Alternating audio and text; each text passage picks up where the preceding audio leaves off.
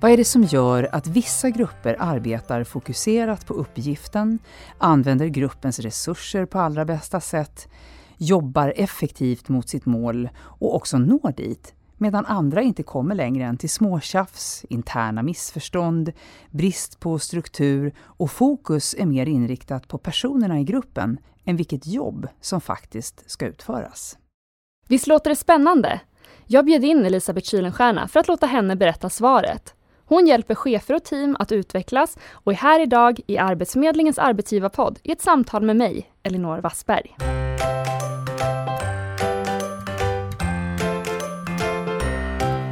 Varmt välkommen hit Elisabeth. Tack. Roligt att du ville komma hit till oss idag. Och du jobbar ju med att utbilda chefer och att jobba med just grupper inom teambuilding och att få dem att bli fungerande, bra arbetsgrupper. Mm, stämmer. Ja, och vi inledde ju med ett citat från dig här idag. Och det handlar ju väldigt mycket om att skapa högt i tak på riktigt. Vill du börja med att kanske besvara den frågan som du läste så fint här mm. i inledningen? Vad det är som gör skillnaden mellan de här eh, grupperna. För jag tänker att det är skillnad mellan en grupp människor som ja, arbetar tillsammans på en arbetsplats och ett högeffektivt team. Precis. Och då är det precis som du säger, en, en stor skillnad det är att det är högt i tak, på riktigt. Det är inte någon idealbild som vi har eller vi har inte lurat i oss själva att här kan man prata om vad man vill utan det, det är en sån kommunikation. Vi pratar om saker i så fall. Vi, vi ger varandra feedback, vi ber om feedback, vi löser konflikter. Vi går till exempel inte in i ett möte utan att veta vad är det här för möte? Vad finns det för förväntningar på mig? Vad ska jag förbereda? Vad är syftet med mötet? Ska vi bestämma någonting eller är det bara ett informationsmöte? De flesta kan känna igen sig i att de har suttit på möten som de inte vet varför de är på. Absolut. Mm. Och dessutom så blir de uttråkade utan att riktigt säga det. Och det händer saker som någon säger, förstod ni nu? Ja, säger folk fast de inte gjorde det. Högt i tak, det handlar om att i så fall säga det. Vad är syftet med det här mötet? Jag är väldigt mån om min tid. Jag behöver förstå varför just jag ska vara där. Eller att säga att jag hänger inte med, jag förstår inte. Eh, jag jobbade med en person som hade kastats in på ett uppdrag där det var en massa förkortningar, interna förkortningar, som alla utom hon förstod. Nu råkade det vara så att hon skulle skriva protokoll. Så hon skrev ju lite vad hon tänkte att det lät som. Ungefär som när man sjöng på engelska när man var liten. Och sen skulle hon då skicka ut det där protokollet och tänkte, jag gör så gott jag kan. Jag ser inte riktigt vad det står, men ja, det får bli som det blir. Och fick ju såklart tillbaka rätt många liksom, mejl efteråt. Vad är det här för någonting? Och då förstod hon att det är ingen idé att sitta och låtsas. Jag säger nästa gång att jag fattar inte. Vad sa du nu för något? Kan du säga det lite långsammare? Hur stavar jag till det? Vilket, vilket projekt menar du? Så. Min erfarenhet, min personliga erfarenhet är också att de gånger jag har ställt den här frågan, att nu hängde jag inte riktigt med, eller kan ni förklara vad det där betyder? Så är det ofta ganska många andra som säger efteråt, vad bra att du tog upp det där, för jag hängde inte heller med. Jag fattar inte heller. Mm. Så man gör ju sig själv en tjänst, man gör kanske någon annan en tjänst och framförallt så är det ju det som lyfter taket, för det visar ju att det är okej okay att ta upp saker här. Det går att, eh, eh, att, att prata om saker.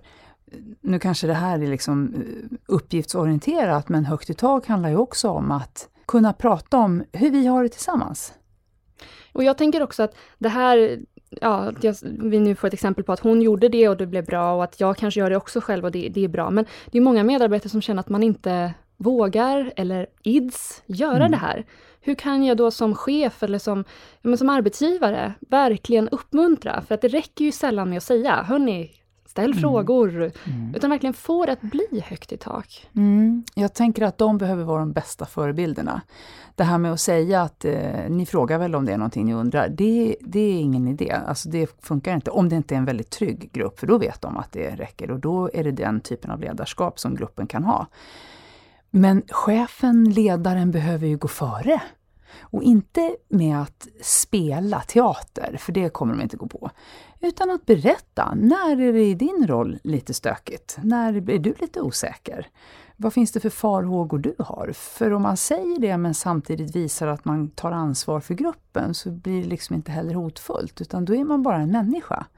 Jag träffar väldigt många konflikträdda chefer som är rädda för att både rodda i andras konflikter och vara en del av dem själva och som har ett väldigt stort behov av att bli omtyckta. Och det är inte därför man ska vara på en liksom ledarposition. Men om man säger att det är så, då är det en helt annan sak. Jag tycker det är lite otäckt med konflikter och jag är lite rädd för att ni kommer att vända er mot mig då. Men eftersom det här är min roll så ska jag ta tag i det här nu. Och det här är vad som oroar mig. Och så. Att att liksom röja undan det först och sen kliva in på det vi behöver prata om. Just det. Man pratar mycket om feedback och att det ska vara också en sak som gör högt i tak, att vi kan ge varandra feedback. Finns det feedback som är spelad högt i tak eller som är på riktigt högt i tak? Vad är tankarna där? Ja, det gör det ju definitivt och då kan man ju testa den. Om man tror att någon spelar den där feedbacken så kan man ju fråga, vad, när du dunkar mig i ryggen och säger att det var bra jobbat så blir jag jättenyfiken på vad det var du tyckte var bra. För det är lättare för mig att veta då exakt vad jag ska göra om igen. Eh, och eh, eh många som jag kommer till, de har en upplevelse av att de har högt i tak. Ja, men vi ger varandra feedback här. Och då kan jag, brukar jag fråga, kan inte du berätta vad, vad den personen där borta tycker om dig då? Va? Nej, det, nej men det vet inte. Vadå, ska jag säga det här? Ja, det kan du väl göra. För högt i tak betyder ju inte heller mellan två personer, då är det det i hela gruppen. Och då vet de ju inte alltid det. Nej. Men jag har ju lite olika övningar som jag slänger ut till dem och någon av dem kan handla om att faktiskt kolla av vad jag tror att folk tycker om mig. Det blir ju ett sätt att be om feedback. Sen är det viktigt om man börjar testa det här, för det kanske någon gör som hör det här, Mm. att det måste alltid finnas eh, liksom utrymme för att ta hand om det som dyker upp. Så eh, att man inte bara tänker att åh, nu ska jag öka öppenheten hos oss och så ska det bli högre i tak och så ska vi bli supereffektiva och allt det här ska hända. Utan man måste också ta hand om hur folk känner sig efteråt och reda ut saker och försöka ha koll på det. Vad går någon hem med? Så att man tar hand om det efteråt. Det är liksom ett visst efterarbete. Eh, och sen som sagt gärna vara en föregångare själv, inte kräva det från andra utan eh, titta vad kan, vad kan jag göra själv för att eh, liksom hjälpa min grupp att få, att få en ökad öppenhet. Och sen är det ju en sak till och det handlar ju om att det inte ska bli gränslöst öppet. Det är Mm. in, frå, inte frågan om att folk ska bli brutalt ärliga mot varandra och sitta och kasta ur sig en massa saker. Relevant öppenhet. Vad är viktigt för oss och vår arbetsprocess att jag är öppen med? Hur Att- avgör man det? Man kan ofta sova på saken. Mm. Och det betyder inte att man måste gå hem och lägga sig och sova. Utan det kan handla om att bara vända det här med sig själv en liten stund. För där kan vi också vara lite så här, när vi ska börja träna så kan det ju bli lite klumpigt. Och då kan man behöva vända saker och ting med sig själv. Som att till exempel fundera på vad är syftet med det jag vill säga nu? Är det att jag vill trycka till någon eller att jag ska eh, eh, liksom vinna något, på, på, min- det ska gå på min bekostnad? Eller vad, vad är syftet med det jag vill säga? För all feedback får gärna ha ett syfte att det ska vara hjälpsamt för vårt samarbete. Och någonting som jag har fått syn på i vårt samarbete som jag skulle vilja bekräfta att jag tycker om eller ha annorlunda. Ehm, så, så syftet är viktigt och, och eh, om det handlar om att jag vill dig väl. För jag har också varit med i situationer där feedback har, eh, har uttryckts men det handlar om att jag vill sätta dit dig egentligen. Men det är inlindat i någon slags låtsasartighet. Mm. Kan det vara också viktigt att tänka på hur jag levererar feedbacken och att jag inte gör det bara utifrån hur jag upplever att det är ett bra sätt att leverera på, utan också ta reda på hur mina medarbetare vill ta sådana här diskussioner och situationer. Ja, absolut. Det tycker jag är en jättefin ambition att ha. Men sen kommer det finnas situationer när det är så här, nu behöver jag göra det på det här sättet. Jag kan inte vänta tills du känner dig mysig eller vad det nu är. Jag behöver prata med dig om det här nu. Men då kan man också säga det. Mm. Jag skulle önska att det fanns ett annat tillfälle än just precis nu. Men jag behöver kommunicera det här till dig nu. Då har man också röjt undan lite av att, att jag, jag hade önskat att det var på ett annat sätt. Men nu är det så här. Eh, Så, så, och sen inte några fredag eftermiddagar med kritikmattor liksom. För det har jag också mött en chef som använde det som metod för det var så effektivt för då behövde han inte se dem sen på hela Slipper helgen. man själv ta. Ja. Mm. Det blir inget bra. Nej. Utan det tar vi hellre måndag morgon. Fredagen kan man ha till eh, att boosta varandra inför helgen. Så. Och det är också det där att ha respekten för det jag säger genom att se till att det finns utrymme efteråt. Inte heller säga det här tar bara två minuter. Boka hellre ett möte och säga att det tar kanske en halvtimme och sen om det bara tar en kort stund, ja men då finns det ändå lite andrum efteråt. Det här tycker jag är intressant också hur, hur man gör då. För om jag ska boka ett möte med någon och det handlar om att ge feedback. Hur mycket ska jag skriva? För du pratade i början om att jag vill veta vad jag ska göra på det här mötet som Mm. medarbetare. Jag vill veta vad som förväntas av mig.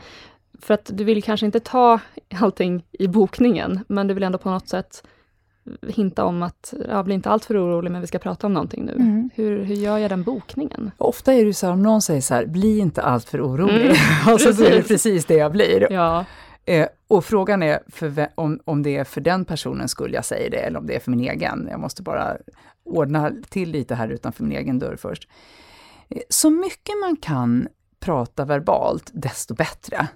För att alla de här skrivna sakerna, även om det handlar om att boka, boka en träff, det finns ju så mycket utrymme för tolkningar och värderingar och vad betyder det här och nu Mm. kom kommatecknet kom där och vad betyder det då? Och så kan man liksom, några rader kan bli något som någon ligger sömnlös över. ja men precis. Och, Mm. Oj, du, du brukar inte boka in möten så här med så här kort varsel. Det måste vara något jätteviktigt. Eller Mm. tvärtom, jaha, och nu är det ett möte om två veckor. Jag vet inte riktigt vad det ska handla om. Det känns Mm. lite obehagligt. Så ja, Jag brukar eh, säga, och när jag är ute och föreläser om såna här saker, så brukar jag skriva bara på en stor plansch. Openness is the great simplifier. Så öppenhet är den stora förenklaren. Så jag tänker i en sån här situation som du berättar om, då hade jag, om det var jag, ringt personen och sagt att jag har lite feedback som jag skulle vilja ge till dig som är av utvecklande karaktär. Det är någonting som jag har- funderat på som jag tänker skulle kunna vara hjälpsamt för oss i vårt samarbete. Och jag undrar om du har tid i eftermiddag klockan två, vad det nu är. Eh, och då kanske personen säger, oh, vad är det för någonting? Ja, men jag skulle jättegärna vilja prata med dig om då. Vill du veta nu vad det handlar om så kan jag absolut berätta det, men jag vill ändå att vi ska ha vårt samtal sen. Eh, och är det så att jag inte vill säga det, då får jag väl säga det. Jag vill inte berätta i förväg. För jag vill se dig i ögonen när jag säger det här till dig. Och jag kan förstå om du blir orolig nu. Men eh, det, det är för vårt samarbetes skull. Så att hellre liksom öppna upp mer i vad personen kan tänkas vara orolig för. Eh, Och hellre vara öppen med att jag inte jag kan inte informera dig. För det är också en öppenhet, att vara öppen med vad jag inte kan vara öppen med. mm. ja absolut. Och vi pratar ju om att ha högt i tak på riktigt. Om jag som lyssnare nu känner att jo, men på vår arbetsplats har vi högt i tak, tror jag. Ja. Hur tar jag reda på det? En jätteintressant diskussion kan det ju vara att prata om vad får vi prata om här? Vad kan man säga här i den här gruppen, på den här arbetsplatsen, utan att riskera att bli exkluderad? Vad händer när jag kommer in i fikarummet? Blir det tyst då? Ja, då är det det vi kan prata om. Många gånger så snubblar vi på att prata om sakfrågorna istället för att prata om hur vi pratar om sakfrågorna det kan låta flummigt nu, men om det är så här att, att vi, vi pratar om någonting på våra möten och så märker vi att vi får inte riktigt till det här, det blir inget bra. Då kan vi behöva prata om hur ska vi göra när vi pratar om det där? Mm. Hur ska vi ha det då? Ska vi lyssna på varandra? Ska vi få avbryta varandra? Hur ska vi, eh, ska, hur ska vi se till att alla får komma till tals? Hur ska vi ge varandra den där utvecklande feedbacken? Vad ska vi ha för kultur? Hur ska jargongen vara? Är det okej med såna här giftpilar eller ska man vara lite försiktig med dem? Så det kan handla om att liksom skapa den där kulturen som man vill ha. Eh, och, och jag tänker att i ett sånt läge, om jag tror att det är högt i tak, så provtryck. Kolla, testa och säg någonting och se vad som händer. Mm. Och man kan ju säga precis det. Jag, jag undrar hur högt vi har i tak här, så jag tänkte att jag, skulle vilja, jag ska testa att slänga ur en grej här som jag faktiskt skulle vilja säga. Eh, och, och se hur ni hör det. Och då får man ju säga någonting som verkligen ligger en varmt om hjärtat, inte kasta ur sig någon elakhet bara för att se hur folk reagerar. Och sen tänker jag att ibland så har medarbetarna lägger liksom allt ansvar på chefen, det är den som ska göra allting eller ledaren. Men jag, jag tycker att alla medarbetare har ett eget ansvar för hur en situation ser ut. Hur högt det där taket är. Det är ju det är hela gruppens ansvar. Absolut. Men det kan också vara så att en, en, ledare säger, eller en chef säger att ja men här ska vi ha högt i tak, men det blir ju inte det bara på en gång. Utan man måste ju jobba på det på olika sätt. Ja, Absolut. Och det måste man också förstå, att det blir inte det på en gång, precis som du säger. Det händer inte första dagen. För vi måste få känna oss lite trygga först. Mm. Precis som det är när vi träffar en ny bekant, som vi eh, lär känna nya människor eller eh, folk som går på en dejt. De sitter väl inte och berättar om sina svagheter och vad de skäms för och, och hur de har gjort bort sig, utan de visar sin bästa sida. Och det är ju samma sak när man börjar i en arbetsgrupp. Så det behöver få vara lite, man måste få trampa runt där lite. Risken är annars att det blir för, för läskigt för tidigt. Om man nu ska vara den där chefen som går före och ser till att här ska vi minsann höja taket första veckan med den här mm. arbetsgruppen. Ja, det brukar inte bli så bra. Då kan det bli hälarna i backen istället. Det har jag gjort det misstaget när jag har handlett grupper. Eh, så, så, där jag har tyckt att äh, nu får ni väl liksom köra på lite. För att det är både en av mina styrkor och en av mina svagheter, att jag är för utmanande.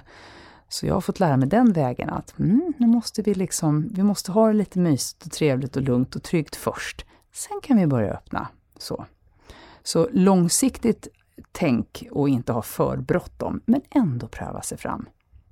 Och jag tänker också att själva begreppet högt i tak kan kännas lite klyschigt och att det kan kännas som att, ja men vad innebär det egentligen? Vad betyder högt i mm. tak? Så kanske hellre prata om att jag vill att vi ska kunna ställa frågor, att vi ska kunna ifrågasätta om vi känner att någonting kanske inte är på väg åt mm. rätt håll, att man är tydlig i den kommunikationen kan man också kanske fråga, säga till sina medarbetare att jag vill gärna att ni berättar för mig hur vi kan uppnå det, eller att ni funderar på vad som behöver ändras här för att mm. vi ska komma dit tillsammans. En strålande idé. Mm. Att definiera bara vad är det högt i tak? När är det någonting som känns spännande och åh, det här vill vi göra? Och när känns det läskigt så att jag nästan inte vill gå till jobbet om det ska vara på det där viset? Så att först definiera det i arbetsgruppen eh, och, och prata om det. Och sen provtrycka lite. Mm. Och det låter ju lite som att ja, men femkamp och konferenser i all ära, men mm. det är just det vardagliga arbetet, i de här små samtalen eller i mötena som vi har mm. varje vecka. Det är mm. kanske där man får just högt i tak på riktigt. Absolut, absolut. Det är där det händer, vilket ju kan vara flera gånger om dagen kan taket höjas. Jag tycker det var väldigt fina eh, ord att avrunda med, men är det något du känner att men det här har vi inte hunnit säga än? Eller känns det som att du fått med det mesta? Ja, testa. Ta någonting och testa när du har hört det här. Ta någonting och testa. Och, och hellre börja med något som är lite ofarligt, bara för att pröva hur låter det här? Hur låter det och hur är det för mig och hur känns det då när jag, när jag prövar lite? Tack för att du kom hit idag. Tack för att jag fick komma.